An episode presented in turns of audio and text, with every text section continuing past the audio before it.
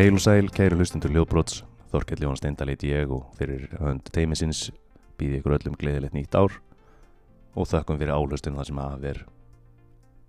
Nú í þættinum í dag ætlum við að fá að heyra frá henni Brynju Artúrsdóttir og hún segir okkur frá bókmyndaklubnum sem fagnaði nú 15 ára ammali sent á síðasta ári. Við ætlum að fá að heyri henni Kristínu Sjöfn og hún ætlar að segja okkur frá hilsuklubbi Blindarafélagsins sem nú nývelega stopnaður og hefur fengið glæsilega aðstöðu á, á annari hæð hér í Hamralíð 17. Nú við ætlum að fá að heyra kynningar frá þeim uh, meðferðaræðilum sem bjóð upp á þjónustu sína í einu nýskýrða meðferðarherbyggi sem er að finna hér á annari hæðinni. Og svo að lokum ætlum við að fá að heyra henni Björgu Arnaldóttur sem er leysugunda þjálfar upp á þjónustu og þækingamiðstöð og hún ætlar að segja okkur frá uh, námskeiði sem að verður núna í februar og við ætlum að spjalla eins um það hvernig það er að vera með svona hund og til hvers er hægt að ætlast af honum. Annars vona ég að allir finni eitthvað við sér tæfi í þessum sjötta þætti af hljóðbróti en annars þakka ég kærlega fyrir og byrð ykkur vel að lifa.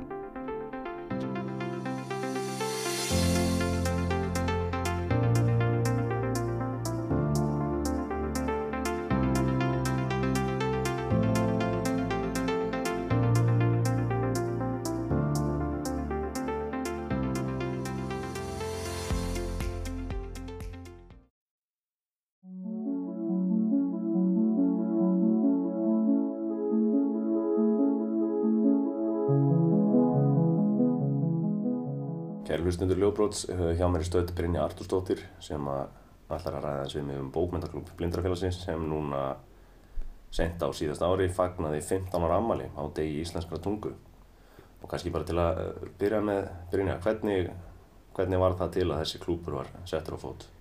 Það var alltaf skemmtilegt eh, frá því að segja að ég var að vinna Reykjavílundi hjá félagsákjöfum og þá frétti að því að Sigurður Sigursson væri komin í endurhafingu og þá kom félagsákja á málumum og, og var að spyrja mig hvort að, að það væri eitthvað bókmæntaklúpur starfandi hjá blindrafélaginu.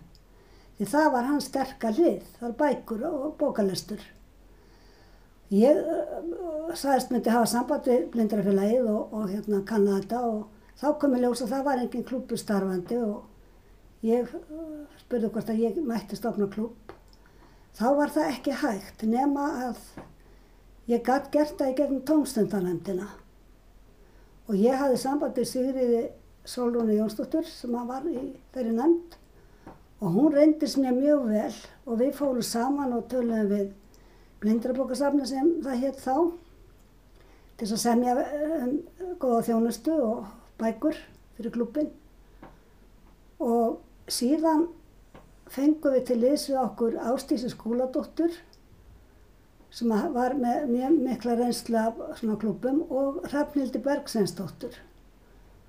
Og þær, við vorum alla sem sagðum fyrst fyr, til að byrja með. Ástís hætti svo og Hrafnildur var nú með okkur lengi vel.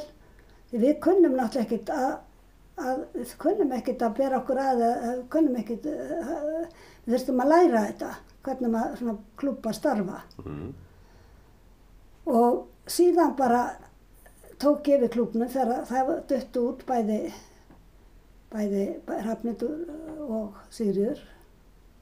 Mann og ekki alveg hvernig það var en síðan hef ég bara síðan klúpin. Og hann hefur verið starfrættur eins og kom fram í 15 ár. Stopnaði sem sagt 16. november 2004 og við, ég og Sigurður við erum þarna bæði, mætum alltaf og Svo hefur náttúrulega fólk komið og farið. Það, það er svo merkilegt að þegar einhver fellur frá og það bætist alltaf einhver nýr þá í hópin og þetta er mjög gefand og skemmtilegt að vera í þessum hóp.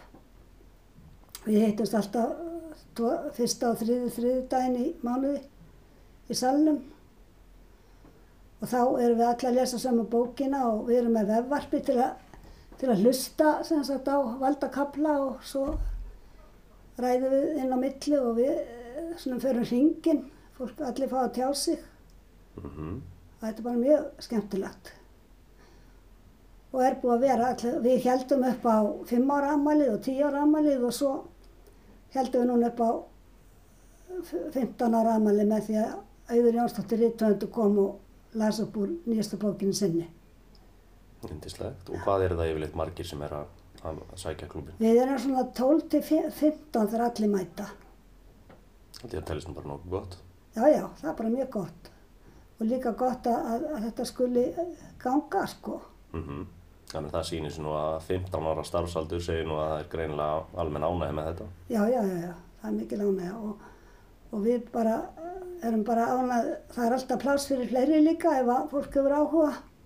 Og hvernig er bókavalinu háttað? Er það þú sem ert einræðisara og ræður í öllu? Sko, ég segi það ekki alveg en ofta ákveðum við í sammenningu og eitthvað kemur upp á stungu og ég leitar hún samþygt. En stundum einstakar sinna þá hef ég orðið að frekjast eins og ég segi Mm. og þá er ekki búið að ákvæða hennar bók og þá, þá panta ég bara eitthvað sem ég kannski ger í samræðu við Huldu Pétursdóttur hjá hljóðbókarsafninu. Mm Og hvaða bók er til lestrar núna í þessu mánuði? Sko við eh, fengum jólabók núna, uh, Hvítidauði eftir hann Ragnar Jónasson og við ætlum, að lesa, við ætlum að tala um hana núna á þriðudaginn. Það er krimmi. Við hefum ekki mikið verið í krimmana samt. Mm. Við erum mikið í skáldsögum, við erum lítið verið í æfisögum, lítið sem ekkert því að það getur verið sko eh, betra að tala um skáldverk heldur en æfisögur, þá er maður líka að fjalla um fólk. Við erum ekki, við erum ekki spennt fyrir því Mm og við ætlum að ræða um þessa bók á þriðjudaginn og næsta bók heitir Blómin í ánni. Hún gerist uh, í Hiroshima eftir að sprengingin var þar. Það hljóma mjög áhugavert. Já, þetta er mjög góð en gömul bók. Ég hef las hann í gamla daga og stakk, stakk, eh, hún, já, ég stakk upp á henni og það allir samþyktu en hún er mjög sorgleg. Mm að Þannig að- við, Og það er þá allur því hvort þetta sé nýtt eða gam, nýjar eða gamlar bækur sem þau eru að lesa. já, já, við erum oft bara með gamla bækur og svo ef einhvern dettur í hug ný spennandi bók, þá tökum við hana. Þetta er bara, og yfirleitt reynum við nú að ræða málin og, og koma okkur saman um bókina. Mm Þannig yfirleitt þá er, er það samþýtt og það skemmtilega við svona klúb er að ég man að ein kona sem var með okkur fyrir mörgum árum, hún sótti það mjög fast að lesa Guðruna frá Lundi og við vorum öll mjög fordamafull og allir ekkert að láta þetta eftir henni en svo var hún búin að tala svo oft um þetta að við ákváðum að kynnast Guðrunu. Það voru bara allir mjög ánæðir að hafa kynst hennar bókmentum. Það held að það sé nú bara mjög heilbritt fyrir okkur öll að, að fara aðeins út fyrir svona þennan ramm okkar. Ég man bara eftir því þegar ég var sjálfur í skóla og þurfti að lesa pilt og stúlku að ég var alveg djúft niður sokkin í hana áður en að því lauk sko. Já, já. Ég, er hérna alveg sammálaða því að ég, var mjög ánægða líka því að maður fordómanir hurfu því að þetta var allt öðruvísi heldur en fólk hafi talað um. Þetta við lásum Dalalíf eitt en það var bara ein bók því að við, mér erst líka gaman að maður kynnist alls konar að maður og bókmentin sem maður hefði ekki kannski látið sér dætt í huga að banta sjálfur. Mm Það er það skemmtilega við svona klúb. Við erum líka ólík. Við erum á misjafnum aldri og ólíka týpur. Þannig að það eru mörg viðþorf sem koma fram. Já, já.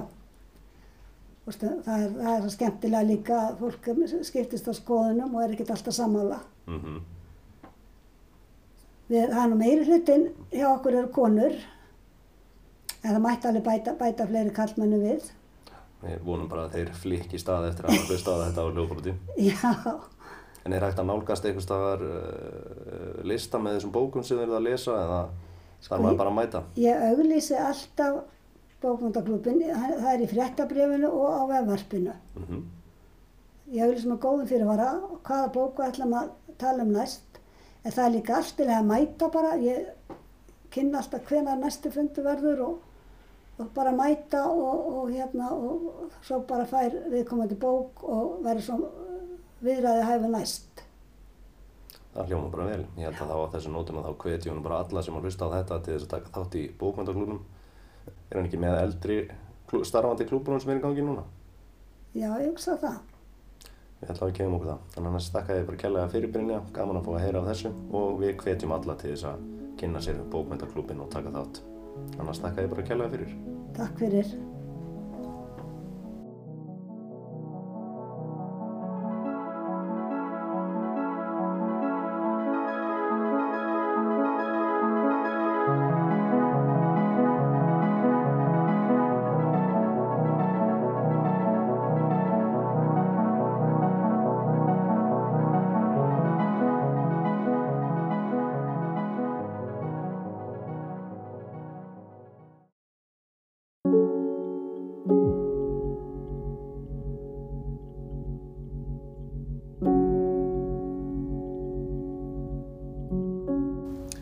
Kæri hlustundur Ljóðbróts, uh, mér langar til að segja ykkur frá því að heilsuklúpurinn innan félagsins og heldur betur búin að spýta í lóna og hér er við fengið til okkur aðal konuna, aðal spröytina þessu til að segja okkur frá hvað er að gerast. Kanski ég fáði bara til að byrja því að kynna þig. Já, ég heiti Kristín Sjöfn Valgistóttir og ég tala hérna sem Kristín Sjöfn jógakennari því að ég er náttúrulega kona mörg hlutverk eins og, eins og margir í, í, í þjóðfélaginu í dag en ég ætla að segja þér frá heilsuklúpi blindrafélagsins, því verkefni. Já, núna heldur betur verið að taka, taka spretti núna með nýja ári. Hann er nú lengi verið til þessi klúpur eða ekki? Eh, Ég, nei, hann er bara, hafi verið að stopna klúpin.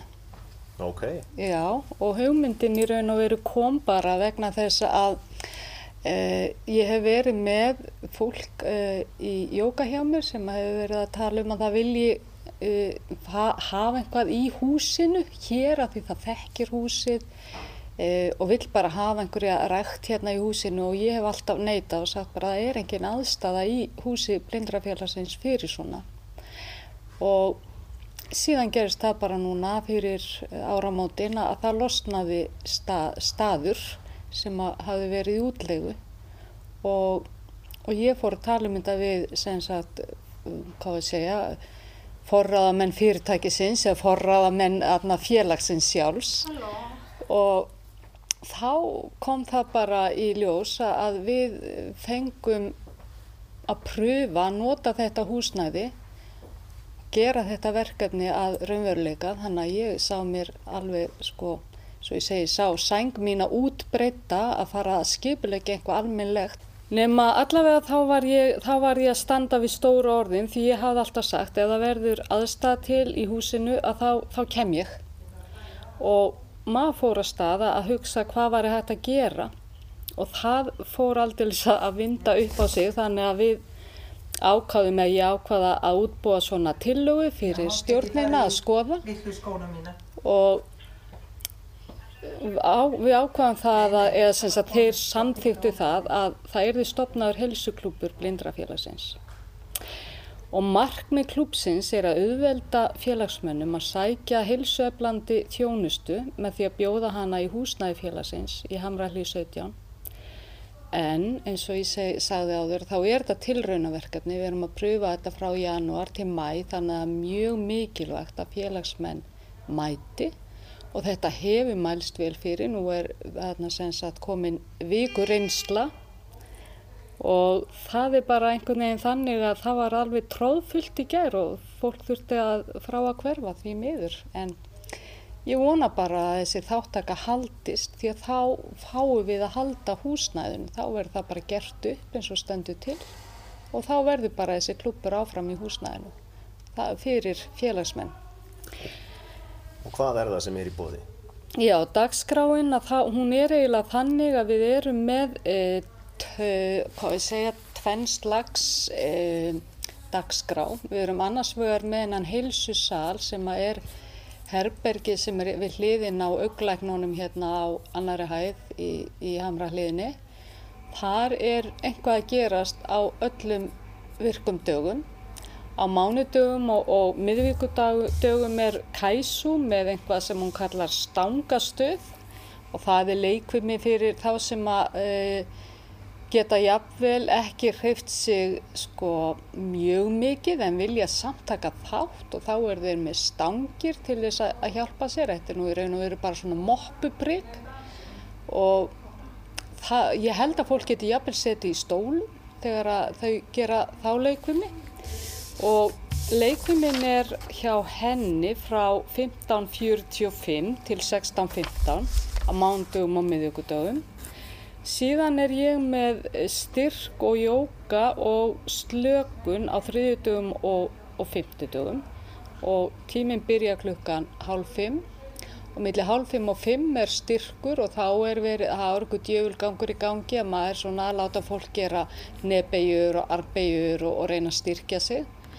Eh, klukkan fimm að þá síðan getur fólk bara ákveðið að það sé búið að fá nóg og, og vill ekki halda áfram og þá nýjir, nýjir jáfnvel komið inn í, inn í aðna, tíman og þeir sem sagt geta þá komið í jókatíma í 45 myndur frá 5 til kortir í 5 og þá opna ég aftur hurðina hjá mér og, og hleypi þeim út sem maður eru búin að fá nóg og tek nýja inn sem maður vilja koma inn og þá er slökun eftir í hálftíma frá kortir í 6 til kortir yfir 6 og það skiptir ekki alveg máli hvort það sé allt fullt í leikviminni því að fór, ef að fólk vil koma í hugleisluna þá kemur það bara með stól með sér og setur hann inn fyrir þegar ég er búin að opna hurðina og þá verður pláss fyrir alla sem vilja fá slökunarhugleislu.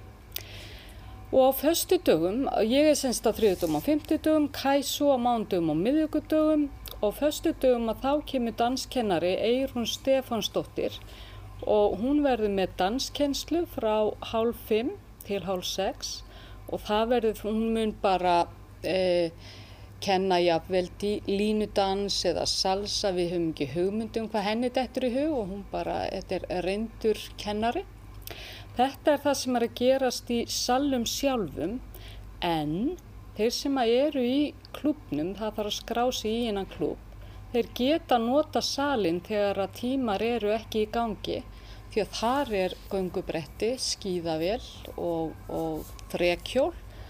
Þau geta fengið að nota þetta alveg e, svo framlega sem að það er ekki tímar í gangi. Þetta er svona e, þessi daglegi E, dagligi þáttur. En síðan erum við að bjóða upp á e, við erum að bjóða upp á bæði e, sálfræðing, markþjálfa og næringafræðing. Það er fólk sem að kemur hinga neyrettir í, í hamralíðina og mun starfa í einstaklingsmeðferðum í meðferðarherbergi sem að áður var tölvuver og það þarf auðvitað að skrá sig í, í þessa enga tíma og fyrsti tímin hjá þessum meðferðar aðilum sem að við heyrum nú kynningu á eftir, þeir munu kynna sig á eftir, hann er greittur af blindrafélaginu. Blindrafélagi styrkir meðlemi sína til að fara í eitt tíma hjá þessum aðilum og vilji félagsmaður sé hann halda áfram meðferð þá er það bara á milli hans og, og meðferðar aðilans og það bara, hann bara panta tíma hjá honum beint og greiði bara beint. En meðferðin fer alltaf fram hérna í Hamrahli 17, þannig að þarf ekki að fara neitt út í bæ til þess að sækja þessa þjónustu. Og þetta er frábært fagfólk. Við erum að tala um að bæði er til dæmis næringafræðingurinn og, og sálfræðingurinn hafa báðar verið að starfa með virk ásamt ymsu öðru sem maður segja bara frá og eftir og markþjálfin, algjörlega frábær ung kona sem að, sem að hefur sjálf þurft að takast á við mikið mótlæti í lífinu. Hún sem sagt uh, þryggja barna einstað móðir, missir báða fæturnar, þurft að byrja að lifa upp á nýtt með bara það sem hún hafði og eftir það lærði hún markþjálfin og eftir það lærðum jógakennaran þannig að ég held að hún sé frábær til þess að hjálpa fólki að sjá svona hvað hægt er að gera. Þannig að hún ætti það allavega að vera góð auglýsing fyrir eigin markþjálfun. Já, ég held að ég vona á þessi góð auglýsing fyrir, fyrir eigin markþjálfun. Hún, hún er allavega mjög hlý og frábár og þau öll eru mjög hlý og, og, og og svona fallegt fólk að innan eins og maður segir og öll hafaðu mikinn áhuga á þessu verkefni sem við erum að tala um. En það er ekki allt. Við erum líka, við höfum ákveði líka að, að halda fyrirlestra einu sinni í mánuði. Og fyrsti fyrirlesturinn var núna á fymtudaginn og það var þá næringafræðingurinn Berglind Sofía Blöndal sem að mætti og talaði um næringu almennt í raun og veru svo getur fólk auðvitað panta tíma hjá henni og, og fyrir sjálfa sig.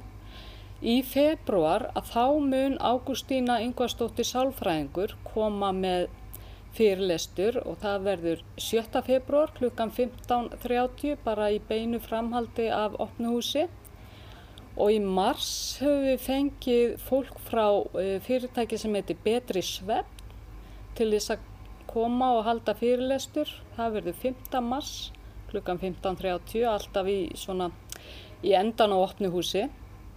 Í apríl ætla verkjaskólinn Ann og Halladís úr Stikkisólmi að koma og halda fyrirlestur fyrir okkur. Það verður annan april klukkan 15.30 og í mæ sem er síðasti mánuðurinn sem að þetta tilraunaverkefni verður í gangi að þá ætla Hjördís Arnardóttir Markþjálfi að koma og hún kemur 7. mæ klukkan 15.30 og verður með fyrirlestur þar. Þessir fyrirlestrar, þeir eru opnir fyrir alla. Þú þarft ekki að vera í heilsuklúpi blindrafélagsins, þú getur alveg bara mætt í opið hús og bara setið áfram og, og hlusta á þessa fyrirlestra. En heilsuklúpurinn, að það er þannig að þú ert að skráði í hann og stjórnin og, og þá sérstaklega formaðurinn, hann, hann má alveg eiga það, ákvaðu það að, að verleggja heilsuklúpin bara mjög lágt og mjög rausnalegt framlag hjá þeim því að þeir borga þá náttúrulega sjálfur á móti sem upp á vantar.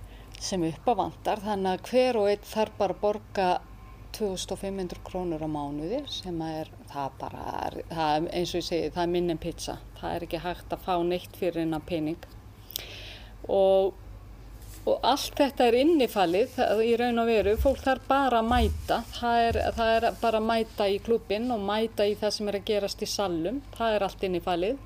Síðan er þessi eini tími hjá þessum fagaðilum sem eru markþjálfi, sálfræðingur og næringafræðingur og fyrsti tímin eins og ég sagði að hjá þeim er frýr og það er líka annað, við vorum að fá hérna e, fólk, hjúgrunafræðinga frá vinnuvernd sem að ætla að uh, mæta til okkar hérna föstu daginn 17.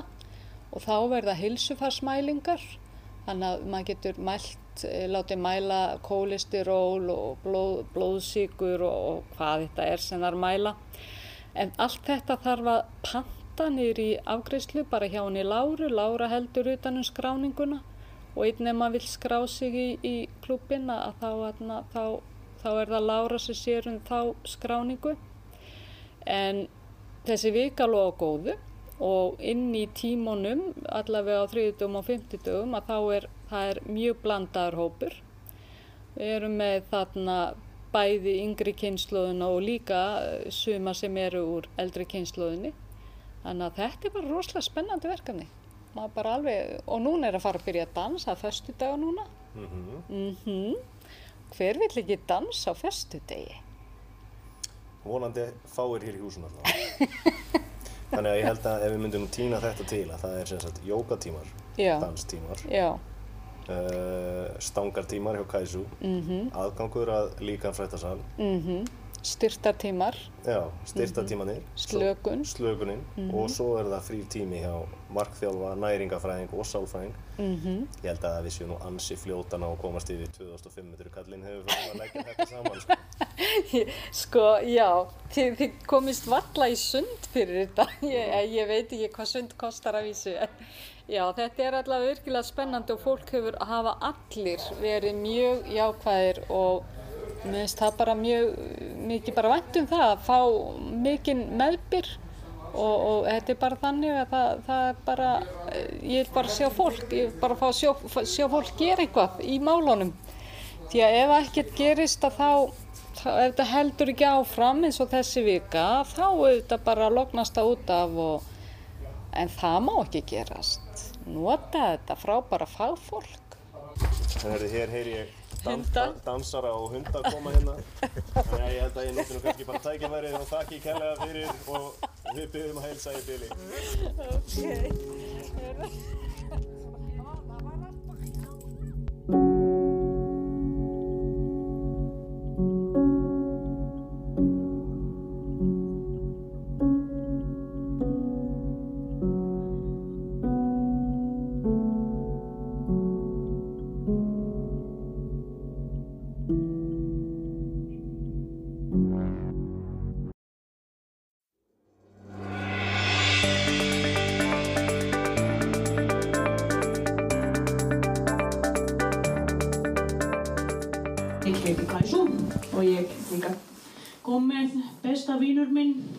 Mopustöng. Það er sem ég ætla að æfa með ykkur alltaf á mánutökum og mittvíkutökum.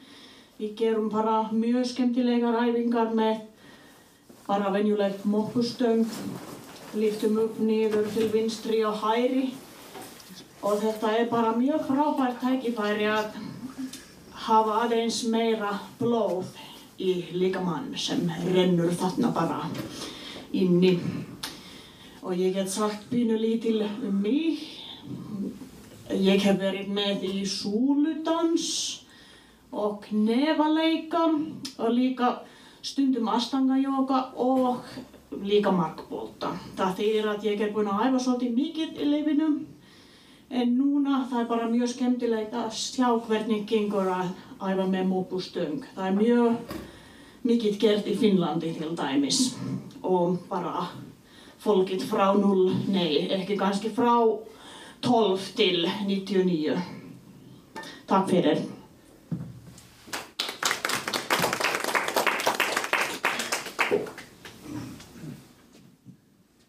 Næst ætla ég að bjóða Ágústínu Yngvarsdóttir, sálfræðingi að kynna sjálfa sig. Ég heiti Ágústínu Yngvarsdóttir og ég er sálfræðingur. Á nýjunda áratögnum, ástæð fyrir því ég byrja að er svo að ég er komin á þann aldur. En á nýja, nýjunda áratögnum tók ég yfir sálfræði Industrial Psychology sem er ekstra sálfræði. Og þar uh, var í Gautaborg í Svíþjóð og meðal annars þá vann ég hjá aðalstöðu Volvo í, í áratug og ég hérna vann með verkefni meðal annars sem að 2400 manns misti vinnuna sína og það var um það byrja eitt og halvt ár sem við höfðum þá ráðgjáðinni hjá þeim að finna verkefni fyrir þetta fólk og hjálpa því að finna nýjan vettfang í lífinu. Og síðan þegar ég kem heim í lók nýjunda áratugarins þá er það aðurleysistryggingarsjóður sem að ég er að vinna með meðan annars námskeið þá sem uh, hafa mist vinnu og er að reyna að komast eftir út í aðurlífið. Síðan árið 2005 þá tek ég löggildingu sem sálfrængu með kannsykprófi og stopna stofu þar sem ég er að vinna með skjólstæðinga, vinna með kvíð og þunglindi og streitu og að hjálpa fólki að komast yfir hindranir og skapa sér nýtt líf. Og í framhalduna því þá hef ég verið í samstarfið með virk. Ástæðan fyrir því að ég er að segja frá þessum þáttum í mínum bakgrunni er svo að ég tel að sé mjög mikilvægt að vinna með einstakleika styrk og getu þeirra. Sín á möguleikan í framtíðinni. Ekki bara að horfa á heindrannar sem eru hér og nú, heldur ná að horfa út fyrir ramana. Og í því starfið þá er alltaf mjög gott að hafa reynslu eins og ég hef vunnið með að því þá hef ég þennan bakgrunn að þekkja hvað er það sem hefur verið erfiðast fyrir fólk og ég er auðvitað yfirfærið það mjög mikið í starfinu hérna. Og í mínu starfi legg ég mikla áherslu á, á hérna að vera lausnamiðuð, finna lausnir, finna að, aðferði til að takast á við hindranir og síðan líka að vera vald eflandi. Það er að segja að fólk finni það að það getur haft áhrif á aðstæður í sínu lífi þó að fyrstu sín virðist ekki vera hægt. Þannig að þetta er nú aðal áherslu með hjá mér og að komast yfir hindranir. Ég býð einnig upp á tíma í gegnum Skype og það eru tímas eins og þannig að þeir sem að vilja að halda áfram að koma til minn finnst stundum erfitt að koma að stinga, hef ekki tækifært til þess að þá er hægt að halda Skype-fundi. Og uh, ég get þá aðstöða við það að, að fá slík uh, tól og tæki inn í tölvurna hjá ykkur. Ég ger ráð fyrir að flest ykkar síðan á tölvur. Svo bara þakka þið fyrir mig. Takk fyrir þetta, Ágústína. Berglind Sofía Blöndal, næringafræðingur, að hún komst ekki til okkar í dag, en hún verður með sagt, fyrirlestur hérna á fymtudaginn. En hún sendi mér eitthvað pínlíti til þess að, að lesa. Berglind Sofía Blöndal er 42 ára klíniskur næringafræðingur sem stundar nú doktorsnám í næringafræði við Háskóla Íslands. Berglind hefur starfað sem klíniskur næringafræðingur á landsbítalanum, bæði á öldrunar, bæklunar, tauga og endurhæfingadeildum. Einnig er hún næringafræðingur hjá Byrtu starfsendurhæfingu og hjá Virk starfsendurhæfingu þar sem að hún síni, sinnir bæði fræðslu einstaklings og næringar meðferð. Berglind er með áherslu á áhuga hvetjandi samtöl í næringar meðferðinni sem að hún veitir ásamt því að vinna eftir fræðum health at every size og líkamsvirðingar. Berglind hefur kent við Háskóla Íslands síðan 2016 ímisfög, til dæmis sjúkdómafræði, þverfræðilega samvinnu heilbriði stjætta ásamt ingangi að næringafræði. Og við fáum fyrirlestur hjá henni klukkan hálf fjögur á, á, á fymtudag og þið getur, þeir sem eru í klubnum geta pantað persónlega ráðgjöf hjá henni líka. Þá ætla ég að bjóða næst upp í pontu Eirúnu Stefansdóttur sem er danskennari. Ég heiti Eirún Stefansdóttir og er 26 ára tveikjabanamóður, eina eins og stelpu og einn hund. Uh, ég er írættafræðingur af ment og var semst að írættafræði í fjölbreytti í Breiðhaldi og útskæðast svo með bachelorgráðu í írættafræði á HR 2016. Eftir útskipta starfa ég á hilsuleikskólum Kór en svo árið 2017 flutti ég með kæristanum mínum til Englands þar sem hann vann sem úrsmiður. Þar vann ég á veitingastöðum og svo vann ég sem deildastjóra leikskóla í lokinn. Þangað til ég varð ólétt og þá flutti ég heim. Uh, Eftir að ég átti stelpuna mína þá fór ég að vinna sem deildastjóri aftur á hilsuleikskólanum Kór.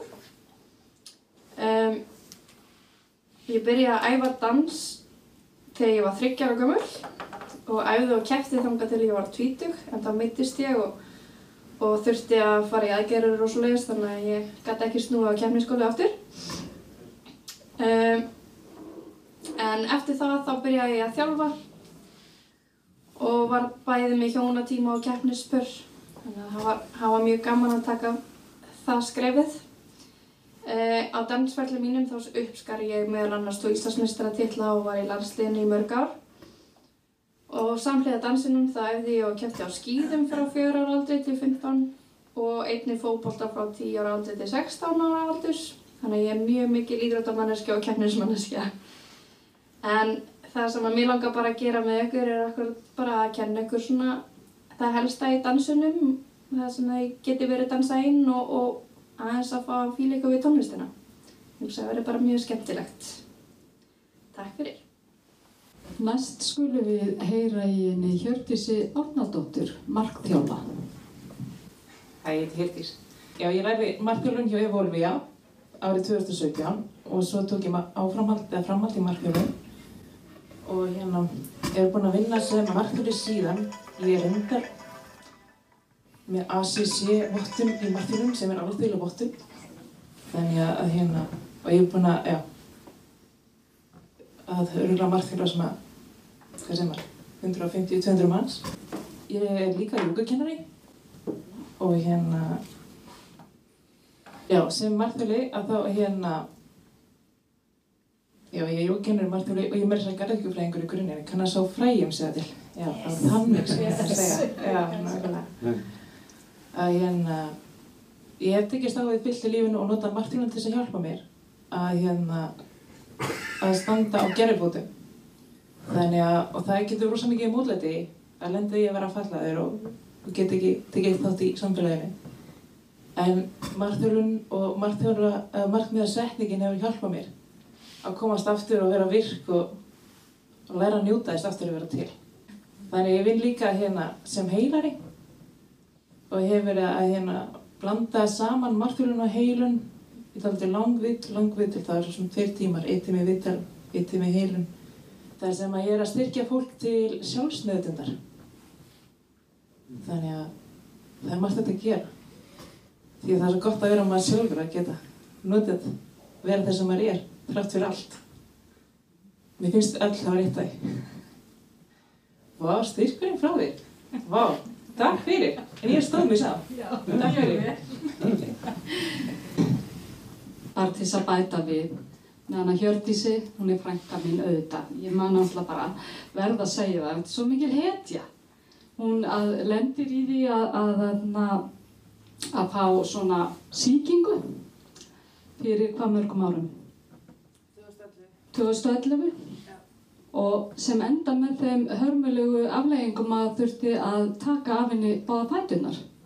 Þannig að mótlæti er einhvað sem að Hjördís veit nákvæmlega hvernig þarf að tækla. Og það gerum við öll bara á mjög mismundi máta.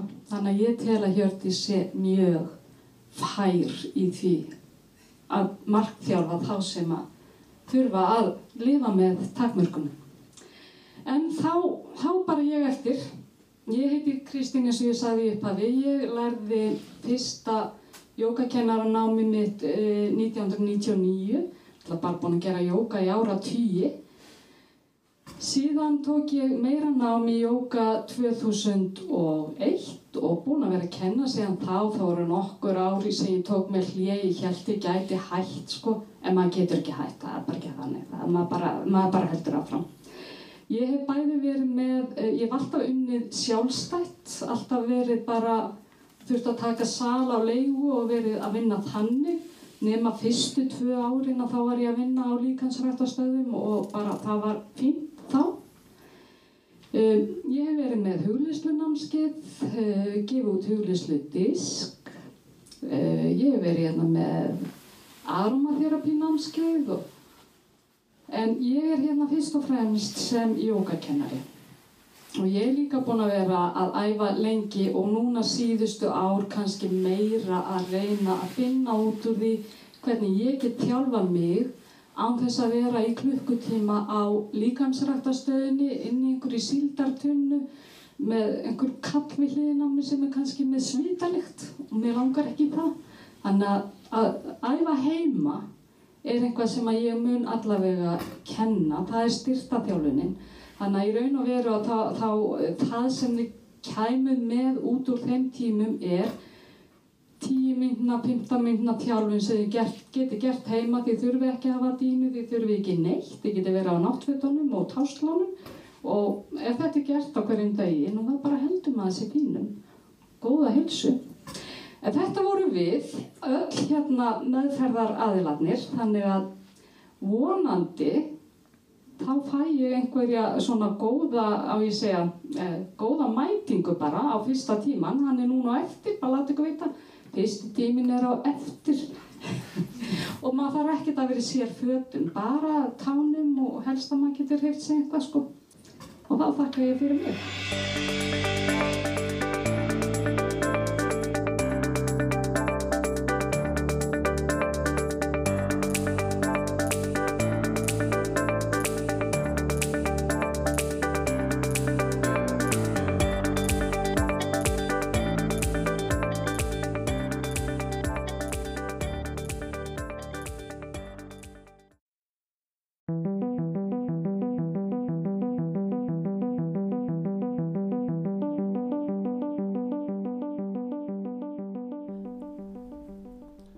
Stöðina í viðtalsherbygginu á annari hæð í Hamravegi 17 og hingaði ég fengið til mín hanna Björk Varnandóttir, leiðsöfundaþjálfara og allt múli konu upp á þjónustu þægingarmiðstöð. Og við ætlum aðeins að spjalla saman um leiðsöfunda og það er hvað í februar sem það er nýtt uh, námskeið fyrir leiðsöfundanóndur. Já, það er 10. til 15. februar. Þá var að koma til okkar úrvalalið frá Svíþjóð sem ætlar að, að hérna, hjálpa okkur. Hún Drífa Gestóttir sem að margir þekkja, Mm. sem var náttúrulega áður að vinna upp á þjónustökingum með stöð. Og Karina Jónsson sem er ræktandi og, og hérna, þjálfari leysuhunda í Svíþjóð. Og er það þá frá sama stað að þeir koma hérna hundarnir sem við með eins og bræðirnir sem komum inn í fyrra? Já, það, hún er sem sagt með þá ræktarumistu sem heitir Kústmarkens og hérna og allar einmitt að koma á heiður okkur með nærverðsinn sem hefur verið mjög skemmtilegt. Undarfærið hefur verið að aukast óbúslega mikið áhugi fólks á að kynna sér þetta betur þannig að já, við eigum svolítið hérna, vona á því að verði margir sem að hérna, skrá sig. Já, æslegt og við bara hvetjum hér með alla sem að hlusta á þetta til þess að, að skrá sig þeir hafa áhuga á því að fá sér leysugund nú er nú sjálfur það heppin að vera með eitt slíkt kvikindi eða kannski heyrt í honum þegar hann var að, að væla hérna á hann en þetta, þetta er eitthvað sem ég mæli algjörlega með því að fólk tjekka á svo Já, Nei. alveg hjartalega samlaður. Ég held að hérna, margir áttis ekki alveg á því hvað, hvers þeir eru megnuðir og hvað þetta eru frábær dýr. mm Já, ég hef til dæmis reykið svolítið á það að þetta er svolítið öklaðir annarkvært halda uh, annarkvært heldur fólk að þessir hundar sjái bara algjörlega um hann ég hef mitt fengið þetta komið svona, já, hann sér nú bara algjörlega um þig og passar algjörlega upp á þig en það er náttúrulega ekki alveg það sem, þannig sem þetta virkar þetta er náttúrulega uh, samstarf á milli manns og hunds en ekki bara það að hundurinn fari meina, ég get ekki sagt hundurum að, fara með mig í fákafinn 17 Þetta er ekki svona eins og GPS-tæki. Nei. Nei, nei, og þetta er alveg, alveg rétt hjá þér. Ég held að hérna, margir hafi mjög háleitar hugmyndir um leiðsögunda en svona þegar til hérna, kastana kemur þá er þetta náttúrulega einmitt byggir svo mikið á þessari samvinnu. Og mér finnst það alltaf svo skemmtilegt að sjá, þú veist, þegar koma nýjir hundar eins og hérna, ég var nú svo heppin að fá að hérna, vera í samþjálfun með einstaklingum hérna sem voru að fá hundar núna síðast og það er svo gaman að sjá hvernig þetta samband þróast og hvað, veist, hvað notandinn getur haft hérna, mikil áhrif á hvað verður úr hundinum. Það finnst mér svo skemmtilegt. Já, það er, mér, mér finnst bókstaflega stundum eins og þessi kvikindi lesi hugsanur okkar. Það, nú þekki ég nú þó nokkra hundaeigendur og það er svo gaman að sjá einmitt hvað hundarnir eru mikil endurspeglun á, á. Og Já. það er alveg ef að fólk er taugaveklað þá eru hundarnir taugaveklaðir. Ef að fólk er afslappað þá eru hundarnir afslappaðir. Þeir eru bara algjörlega beintengdir við okkur. Já, og það er nefnilega áhverst þú segir þetta vegna þess að hérna, þetta er alveg horrið hjá þér og hérna, eftir því sem að svona tekninni flegi fram og það er að koma fram fleiri rannsóknir, þá vitum við alltaf meira og meira um uh, hvað þeir eru í raun og veru nátengdur okkar. Þeir náttúrulega koma og hérna, urðu heimilistýr uh, hjá okkur fyrir mörg þúsund árum og eru svona, þeir eru svo innvinklaðir á okkur að hérna, þeir fylgjast með okkur bara stanslöst og þeir verða varir við allar hormonabreitingar og allar breytingar sem verði líkamann á okkur áður en við vitum að þeim. Þannig að þú veist, þetta einmitt að, að hundar lesi hugsanir heyrist opaslega oft. Skilur þú veist, fólk segir ég þurfti bara að hugsa um að fara út og hérna, þá var hundurinn minn komið með taumin í kæftin eða eitthvað þannig. Og það er einmitt vegna þess að þegar fólk tekur eitthvað ákvæmur þá verða eiga sér stað efnaskipti í líkamannum sem að þeir pikka bara upp með sínu æðislega nefi og hérna, já, og sem verður hérna, til þess að fólk bara, vá, hann les bara hugsanir. Þetta er svo, mér finnst þetta svo fallegt. Ég hérna, er náttúrulega ekki alveg hlutlis, mér finnst allir hundar náttúrulega æðislegir en þetta er alveg, finnst mér æðislegt. Já, algjörlega. En uh, hvað, hvað ertu búin að vera að vinna lengi við þetta leiðsögunda þjálfara hlutverk? Uh, ég kom um, 2018, í lók 2018, þá var ég svona formlega kannski beðin um að koma og hérna, og hérna prófa þetta, að taka að mér þetta verkefni. Uh, ég var svo fastráðin núna bara í hvað, november uh, 2019. Þannig að ég er svona búin að vera í þessu svona formlega í rétt tæplega ár, rétt yfir ár. En var svona viðlúðandi þetta hérna eftir að hún drífa gæst fór út þá hérna voru ég og maður minn Ingemund Magnússon við vorum svona verktakar aðeins að hjálpa til svona meðan, meðan það var engin í þessu embætti. Mm Og þeir hafi nú tölvert margra ára reynslu í að hafa farið í hundana, eða ekki? Jú, við erum alltaf í hundanum. Hérna, áður en að við byrjum í þessu þá hérna uh, við erum búin og erum í hérna björgunarsveit að þjálfa leitarhunda. Mm. og hérna höfum alveg tölvert langa uh, reynslu þar og höfum í raun og veru tölvert uh, mikla reynslaði að því að þetta snýst kannski akkurat þetta snýst ekkert opaslega mikið um hundaþjálfun heldur að geta kent öðrum að þjálfa hundana sína. Og það er akkurat það sem við höfum verið að gera í hérna þessum björgunarsveit að gera Og þeir eru væntalega með hauga hundum þá sjálf eða ekki? Já, við eigum tvo og erum með svo einni viðbót sem að hérna, við erum að fara að nota í svona sérverkefni. Mm Það er nú hérna fyrrum leiðsögu hundur sem við ætlum að fara, höfum svona hugmyndir um að hérna, við getum kannski uh, nota svona í kynningastarf og fara með í skóla og, og hérna breyða út bóðskapin á fleiri stöðum heldur en, heldur en í þessu dröngasamfélagi. Mm Það er mitt eitt af því sem að, uh, ég teki eftir, eftir að vera með hundin náttúrulega í fyrsta lagi er ég mun vinsalli, fólk hefur mun meiri áhugaði að tala við mig, mér er oftar bóðinn, góðu dagur og það ég er með hundin heldur en ég er ánans. En það er um þetta að sjá hvaða er rosalega mikill áhug og mikill velvilji í þjóðfélaginu í garð þessa, þessa verkefni. Það er alltaf kannski fátt krútleira heldur en loðið og yndislega dýra að hjálpa ykkur um að gera eitthvað. En það, það ég held að líði vallast á dagur sem að ég fyrir út að lappa með sem að ég er ekki stoppaður á förnum vegi og, og, og fólk er að spyrja út í þetta. Hefur þú tekið eftir þessu? Já, ég, hérna, mér finnst vera einmitt opuslega mikil vitundavakning um þetta og sem er mjög ánægilegt að því að hundamenning á Íslandi er raun og veru ekkert opuslega hérna, langt komin. Þannig að allt svona gútvill það sem að vinnuhundar eru sínilegir sem hérna, prúðir og, og stiltir einstaklingar og sem að geta verið um, innan um annað fólk og án þess að valda nefnum vandraðum Mm -hmm. er algjörlega til bóta og, hérna, og mér finnst svolítið gaman að því að þetta er greinilega sko, mér finnst börn vera svo vel eh, einhvern veginn fróð í þessum efnum að hérna, þú veist maður kannski lappar, heyrir einhverja hérna krakka að maður að lappa með hund sagt, hérna, og hann er leiðsuguhundur eða í fyllt hérna, notanda sem er leiðsuguhund og mæti svo barnahóp og þá segir þau það nei það má ekki klappa þessum, hann er í vinnunni Mm -hmm. það er alveg þvílitt krútlegt sko Já, mér aðstæði mitt mjög fatt þetta nú fyrsta, fyrstu vikuna sem ég var með gaur þá hérna, bjóði ég á Akranesi og hérna hafði sett smá svona klausu bara inn á það var Facebook síða sem að eitthvað íbúðar Akranesi eða eitthvað álíka og það setti inn bara smá klausu og bara hei, ég kom með leysugund, hann heiti gaur og drururu og útskýrði uh, hvernig þetta virkaði og var að segja að þegar hann er í vinnunni þá þarf hann að einbeta sér og, og þó að hann sé eh, gríðarlega klár og frábæri þá er hann náttúrulega bara hundur og hann er minn sín litla heila þannig ef einhvern langar til að tala við hann þá missar hann aðtekli í vinninni og við verðum að passa upp á það að, að vera ekki að ruggla hann í rýminu þegar hann er að vinna.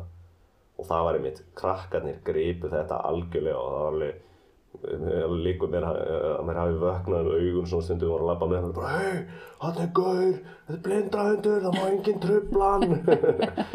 Já, það er alveg frábært sko. Veist, eins, eins hérna, frábært og þetta er þá finnst mér samt sko að hérna, þeir sem að eiga hunda þeir rugglast svolítið oft í rýminu og hérna eru svona kannski ekkit alveg með þetta á hreinu og það, er kannski þar sem að svona næsta skref í þessari vitundavakningu hérna byrjar, það er einmitt að síða svolítið til aðra hundaeigundur. Já, þannig að það, það er bara réttur um tíu ár síðan að já, ég held að bara flestir íslendingar hafi séð leiðsögund bara yfir höfuð sko. Já, og það er ekkert langt síðan hundahald var bannað í Reykjavík til dæmis. Mm sér það nú bara þegar maður ferðast erlendis að það, að það, það er miklu dýbra á hundamenningunni víðast hvar annar staðar heldur en hérna sko. Já, ég er alveg hjartalega sammálaður og þá maður er eins og hálfviti takandi myndir á hundum í búðum, Mhm. skilur, af því að það er svo merkilegt fyrir okkur. Ég, ég mitt hugsaði stund með mér að ef að hérna, eftir lífdaga mína þá fæ ég eitthvað svona valmöguleikum að endur holgast sem eitthvað þá ætla ég að vera leiðsugur. Já, Nákvæmlega, ég held að það sé mjög skemmtilegt þar, sko. Já, því að bara, og náttúrulega, nú er ég þeirra gæfið annað að fá að vera með hann gaur minn með mér alveg bara 24 stundir sólurins og ég hugsaði oft þegar við erum á förnum vegi hvað það er örgulega ógeðslega gaman að vera hann.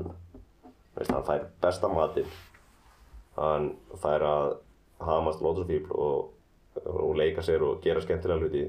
Hann er með mjög spesifik og niður njörfa viðfónsefni sem er það að passa ég klessi ekki á hluti og, og verði ekki fyrir stræt og þannig að það, það, það er veginn koma saman allir þessi fattar allstaðar sem að veist, hann þarf aldrei að vera einn. Þú má fara allstaðar með mér. Mhm. allstaðar sem við komum er allir alveg bara vei, gaur, vei og veitu, hvað heitir þú aftur? Bara, "Ah, það er einhvern bæli, hei, gaur. Já, já, ég held að þetta sé alveg rétt hjá þér. Mhm. Að þetta er mjög skemmtilegt. Og ég held að hérna, þetta sé svona gott tækifæri til þess að líka að hérna, koma inn á þann punkt að það hefur stundum verið í umræðinu að þetta sé svona hálger dýranýð að hérna, láta það vinna en hérna, allir sem að þekkja hunda og allir sem að þekkja vinnuhunda uh, vita að þeim þykir ekkert eins skemmtilegt og fara í beisli eða, eða fara í eitthvað, þú veist, eins og að leita fólki eða, eða leiðbenna einhverjum.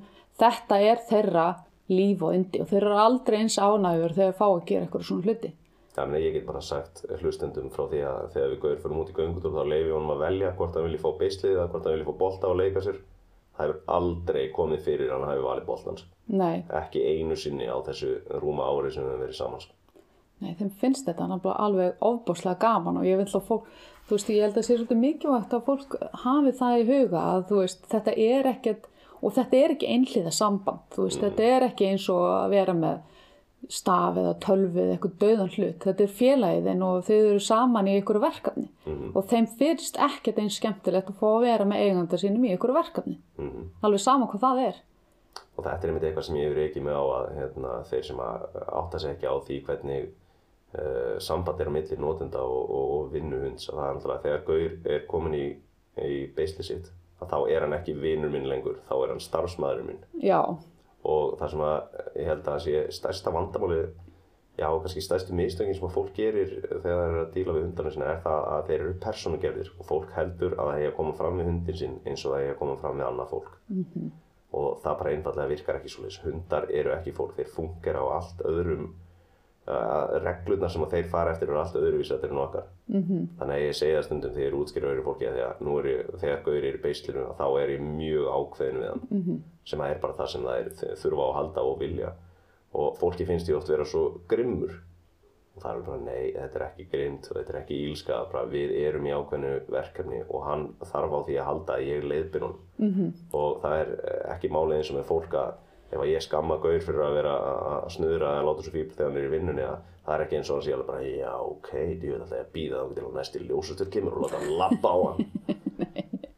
Að, eins og þú segir, veist, þetta er tvíhliða uh, samband og við erum báðir að vinna því að láta okkar mál ganga eins vel og mögulega hægt er. Þannig að þegar gaur er að- gleyma sér og er kannski með smá aðrilsprest og það er mjög nöðsynlega aðeins að þefa þessum ljósustur eða hvað, hvað sem það er og, og, og, og, og ég kem honum aftur á línuna bara, og þetta hljómar kannski eins og maður sé og grimmur og vondur. En í hans heimi þá er þetta bara, ah yes, herri, já ég glemdi mér aðeins og bara, ah gott að kili minni mig á að, halda áfram að vera góðu kall og síðan bara er það bara búið og þá bara höldum við áfram.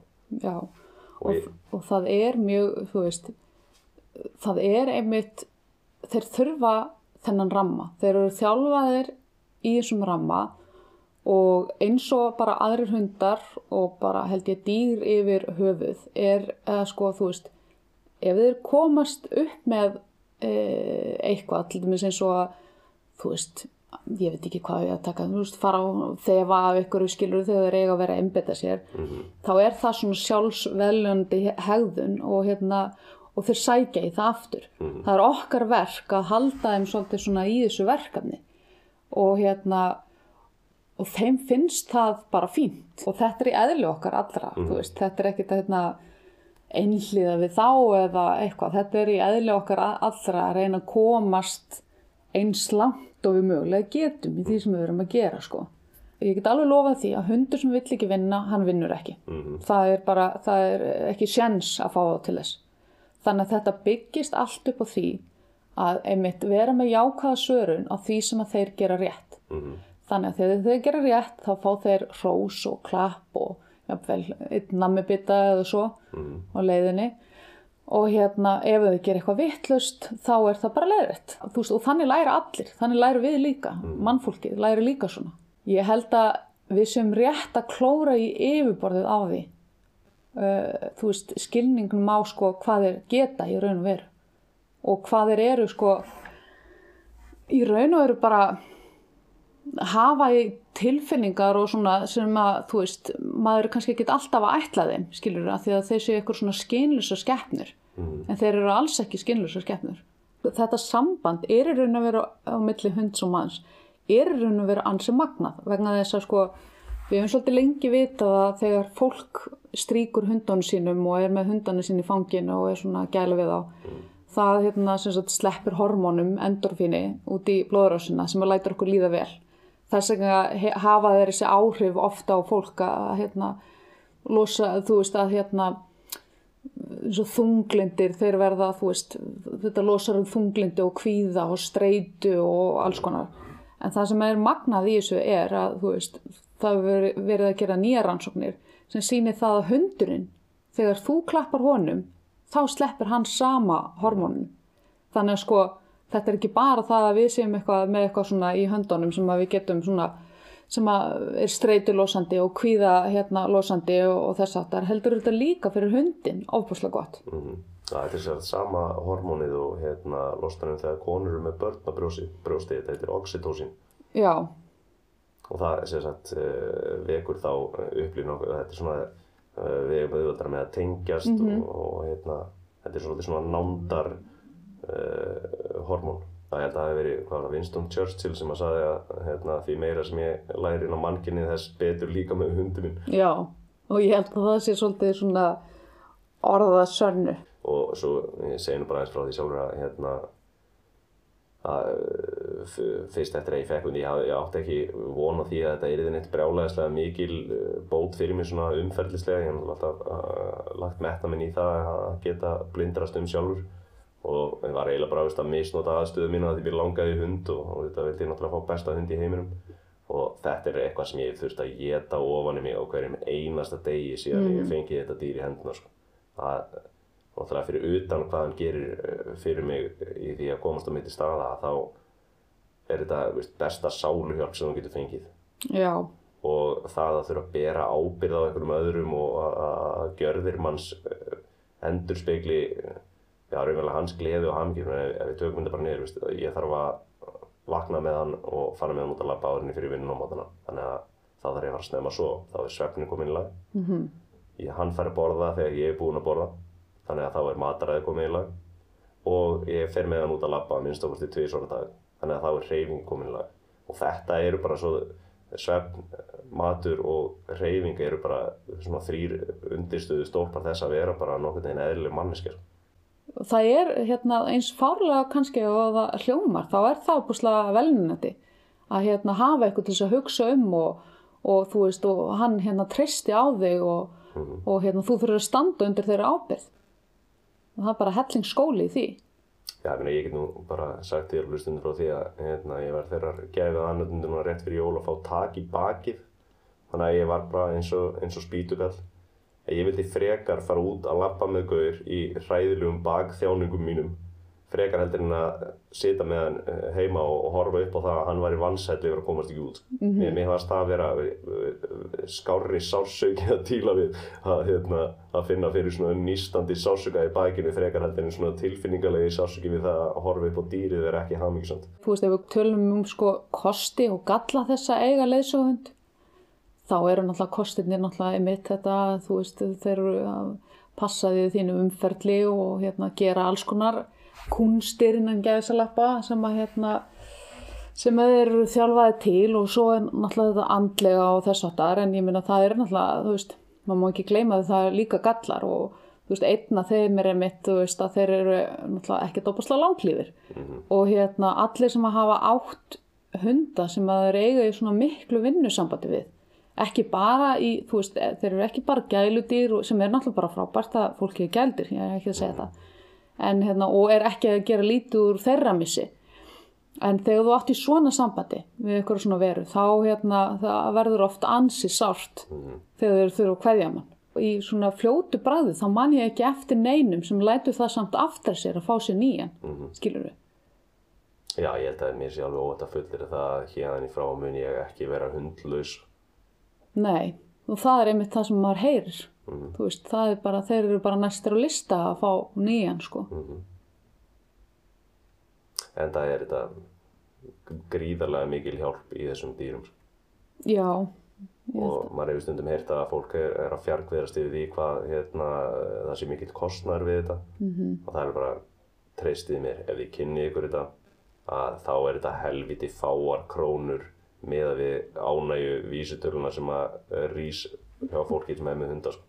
já, ég held líka, ok, tökum við hann kostnað og hérna, segjum að, þú veist, meðal hundur eða þú hugsar vel um hann og, hérna, og ert svona á tánum með hann, segjum að hann sem er tíu ári hérna, vinnu og hafur hann tíu, átta til tíu ári vinnu. Tökum svo þessu upp og deilum henni niður hvern dag, skilur Mhm. Þá var þetta ekkert einhverjar eh, gigantískar upphæður. Það er til alls konar græður. Það eru til hérna stafir með, þú veist, GPS í stafi með ljósi og, og bara hérna staðrendunum svo að tekni bilar Mhm. og hérna tekni líka hefur þá galla að þú veist mm, þú getur ekki farið með þennan staf út í rigningu eða hríðu því þá kemur bleitin á hann og hann bilar eða þú veist, skilur, ég er bara að taka svona sem dæmi og hérna en hundurinn er alltaf skilur, þetta er lifandi vera og hérna og, og getur fer með þér þar sem þú þarfst að fara. Þannig að þeir hafa það held ég alveg klárlega og virka í öllum aðstæðum. Skilur þú veist, ég nefnilega þú veist, við eigum náttúrulega heima á Íslandi sem að það sem allra veðra er von og ekkert alltaf sumar og sól. Og hérna, mér finnst nefnilega svolítið gaman að því hvað þeir standa einhvern veginn undir merkjum þegar maður hefur heyrt að notendum þar sem maður kemur sko, blindtríð, þau kom út úr búðinni og það kom blindtríð og þeir bara, það er bara sett hérna það er bara sett hérna, sagt, hérna hendur fyrir augun og svo bara farið með mig heim. Já. og svo ertu bara, þú veist, eftir hálftíma eða 40 mínútur eitthvað í snarbræðlu verð, þá ertu komin heim. Og einmitt mjög gaman að því svona að sjá hvað er svakalega mikill karaktermunur á þessum leiðsögundum þegar þeir eru í vinnu og Mhm. þeir eru í frí sko. Já, að það er bara algjörlega tvent ólíkt sko.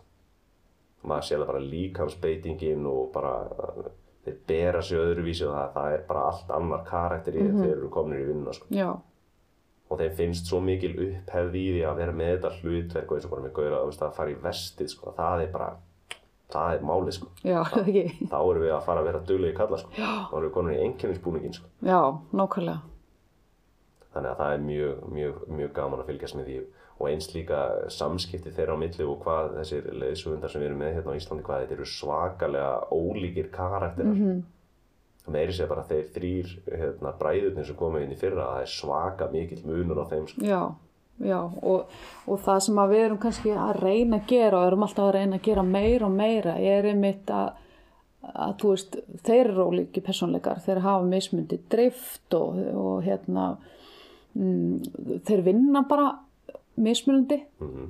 og það þarf svona mismundi lagni við þá. Og það sem við erum að reyna að gera er einmitt að þú veist þessi pörun sem við kallum pörun. Sem sagt að hérna, para saman hund og, og þann sem er að fara að nota hann þá þurfum við einmitt svolítið að hugsa hvernig, þú veist, maður hugsa skilu, hvernig karakter er, er hérna, reynir að grænslast fyrir um það, hvernig karakter keli er til dæmis. Og svo er maður með hundar sem maður er búin að kynnast þannig að maður þekkir þá aðeins.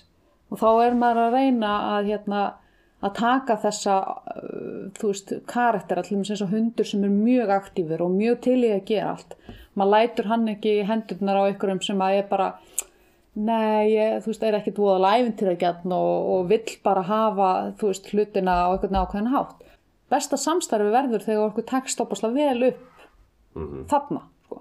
Já, mér að við gauðir vorum einstaklega hefni með það að við pöruðumst mjög vel saman sko. Já, já, og maður sá það alveg bara frá fyrsta degi, sko, og maður sér það oftast mjög, mjög fljótt og ég menna, þú veist, það kemur alveg stundum upp að þetta hefnast ekki og, Já, já. og hérna, og þá verður bara að endur skoða það og hérna, við reynum náttúrulega í lengstu lög að komast hjá því en það er það okkar hagur og okkar allra hagur að þetta gangi upp. En ég held að sko ef fólk ætlar í þetta verkefni þá þurfum við að svolítið að svona fara í svona smá naflaskoðun. Þú veist, Já. er þetta eitthvað sem ég get og vil? Mhm. Því að, uh, já eins og segir, við erum búin að vera hérna, að- lofa þetta í hálstætt. En það er náttúrulega málið og ég náttúrulega get bara uh, talað um það af eigin reynslu að þetta er, þetta er ábyrð. Sko ef þú ert tilbúin að leggja á þessu vinnu og ef þú, er, er, þú veist, heldur þú sér tilbúin í, þetta verkefni og þetta er, skilur, það getur komið upp alls konar, skilur, það er ekki bara, þú veist, það getur komið upp alls konar vandamál Mhm. en þau liggja, sko, þau liggja í 99% tilfella að mínum mati hjá hérna eigandanum eða notandanum en ekki hjá hundinum. Það er þá eitthvað í umhverfinu eða eitthvað hjá þér sjálfum eða eitthvað, þú, þú þarf ekki einu svona að vita að því sem kemur upp á og þá allt innu, þú veist, hleypur svona snuðra á þráðin. Þetta er ekki þannig að þú er aldrei eftir að, hérna, að þú veist, mistiga þau fram að kanti eða, eða þú veist, detta um hérna, eitthvað snjókökul eða þú veist, hvað sem það er. Þú þarfst virkilega að vinna að þessu og þú þarfst að vera tilbúin til þess að leggja þess að vinna á þig og þú veist, maður þarf að vera tilbúin til þess að hlusta á ráðleggingar og annað til þess að þetta gangi upp og þessi ábyrð, þú veist, að hyrða upp eftir hundi sinn sem að hérna vex mjög mörgum mögum, það er eiginlega svona stæðsta spurningi sem maður fær hjá þeim sem að eiga ekki leysuhund. Já, það er hérna mjög svona og bara ágætið spurninga því að þú veist, það er náttúrulega verið að ætlast, ætlast til þess að maður taki upp eftir á. Þegar þetta gengur vel, þá gengur þetta, þú veist, þá er þetta bara með því fallara sem ég sé í heiminum, sko. Þú veist, svo, þetta samband, sko. Ég meina, það helsta sem ég get kvartað yfir er það að hérna, það náttúrulega er vaðandi upp, upp undir ökla í hundahárum heima á mér að það fer svo mikið úr hárum dýri. En það, það er eiginlega eina. Já, ég heyrði einmitt mjög gott um daginn, þú veist, þá var verið að spyrja hvað fara þeir oft úr hárum. Ég sagði þeir fara tvisar ári, sex mánuði senn. En við erum að tala um hvað, hvenar eh, er sagt, þetta ágæta leysjúhundanámskeið? Herðu, 10. til 15. og þetta er sko, sko fyrsta námskeiði sem er fyrir þá sem eru svona, uh, eru annarkvort búin að sækja um hérna leðsuguhund og þurfa svo að sækja þetta námskeið þegar það er skilda. Eða þá eru einfallega að koma að ná að kynna sér málinn og mögulega í framhaldinu að hérna, senda inn umsókn. Það er að þryggja daga námskeið og það eru 15 tímar. Þetta eru við verðum svona um byrj frá kannski hérna uh, 10 á mótnana til klukkan 3 og, og hérna uh, svo tekur við sko að því við erum svona heppin að fá hérna þetta frábæra fólk hérna frá Svíþjóð sem að er bara hérna búin að vera í þessum bransa mjög mjög lengi og mjög fært. Færir einstakleikar að hérna þá vorum við að hugsa með þetta að hafa svo þetta eru samtals fimm dagar vegna þess að síðustu tveir dagarnir þar ætlum við svona að hérna e, að fá þessa sem eru núverandi notendur til þess að koma og hérna fá ábendingar um hvað mættu gera betur og fara aðeins yfir þú veist þjálfunina og hérna og svona aðeins að slíp, slípa til og hérna dusta rikið af bæði notanda og hundin þannig að hérna það er einmitt eitt af því sem að við svona eins og hún er spennt fyrir því að gera uh, þú veist einu svona ári á það minnstu kosti er einmitt að taka bara svona að því að þú veist það þurfa allir á því að halda. Maður bara, maður bara fer í eitthvað svona gýr þar sem að maður fer bara svona í afsleppun og þá er óbúslega einfalt að sleppa ykkur um skrefum eða, eða já taka upp ykkur ósiði. Reyki mig á það sjálfur. já þannig að hérna, það, það er ágætt að fá svona smá uppröfunar hérna kursa öðru hvoru. Þannig að þetta er þá bæði fyrir þá sem að hafa áhuga því að kynna sér uh, málið og síðan fyrir þá sem eru með hundar líka. já. Yndislegt. það var allavega svona hugmyndin. Og við sagt, sko, þetta námskeið sem að sem sagt, þetta fyrra námskeið sem er fyrir þá sem að hafa svona áhuga á sig eða er með innilíkjandi umsókn. Að þá erum við svona hérna uh, þá erum við svona þú veist þetta er bæði svona bóklegt samt skilur þú veist það sem að við erum bara þú veist ég er að koma með fræðslu og hérna það er að sé staði ykkur umræður, fólk getur spurt þetta er svona spurt og svara svolítið. Og svo er síðasti dagurinn er hérna verklegur það sem að fólki er svo sínt beislið og kent að hérna finna svona þú veist að nota beislið, hvernig á að halda á því og hvernig þú finnur í gegnum beislið hvað er um að vera. Og hérna og svo fá, fær hérna, fólk tækifæri til þess að ganga með hund undir okkur stjórn. Og hérna sem sagt, Drífa og Karína verða akkurat þarna á miðugudeginum í þeim tilgangi bara að kynast fólkinu og, hérna, og hjálpa til með þetta því að þú veist þetta þarf að ganga svolítið svona smurt fyrir sig. Og hérna þannig að þetta er líka bara einstak tækifæri til þess að veist eh, hitta þær og fá að vita hvernig þetta er annar staðar í heiminum og fá að vita svona hvað við erum að hugsa í framtíðinni og, og grænslast fyrir um þetta allt saman. Veist, það er bara þarna er tækifæri til þess að koma og spyrja fólk spyrjum úr og við ætlum nú að fá þig til þess að koma og, og hérna koma með einsinn notandaninn í þetta. Þannig að hérna ég held að þetta verði bara þetta verður mjög spennandi Það er því lúta að vera og til þess að skrá sig á þessi námskeið er það bara haft samband við þjónustu þengingamistu. Já, og það, eins og ég segi, þú veist, við erum að fara að senda út bara ölsingu, ég, þú veist, er búin að skrifa hana, ég bara, hún er í yfirlestri og svo komum við henni á rétta staði og í rétta bóleir og hérna bara vonumst til þess að, hérna, sem flestir sjáu sér fært um að mæta. Já, þannig að þetta byrtist á miðlum miðstörunar og þá gerir ráð fyrir því að það sé líka hægt að ringja í síma 545 5800 og afla sér upplýsingu um þetta. Já, og vantarlega hjá hérna blindrafélaginu líka Já. og ykkar miðlum. Já. Og bara öllum sem að koma nála þessu máli. Já. Það ættu nú að geta miðlað fólki allavega rétt að leið. Já, nákvæmlega. En ég held að við þökkum þá bara fyrir okkur. Ég og Gaur og við byggjum að heilsa ykkur og endilega sem flestir kynni ykkur leiðsögundamál upp á þjónustækjum miðstöð.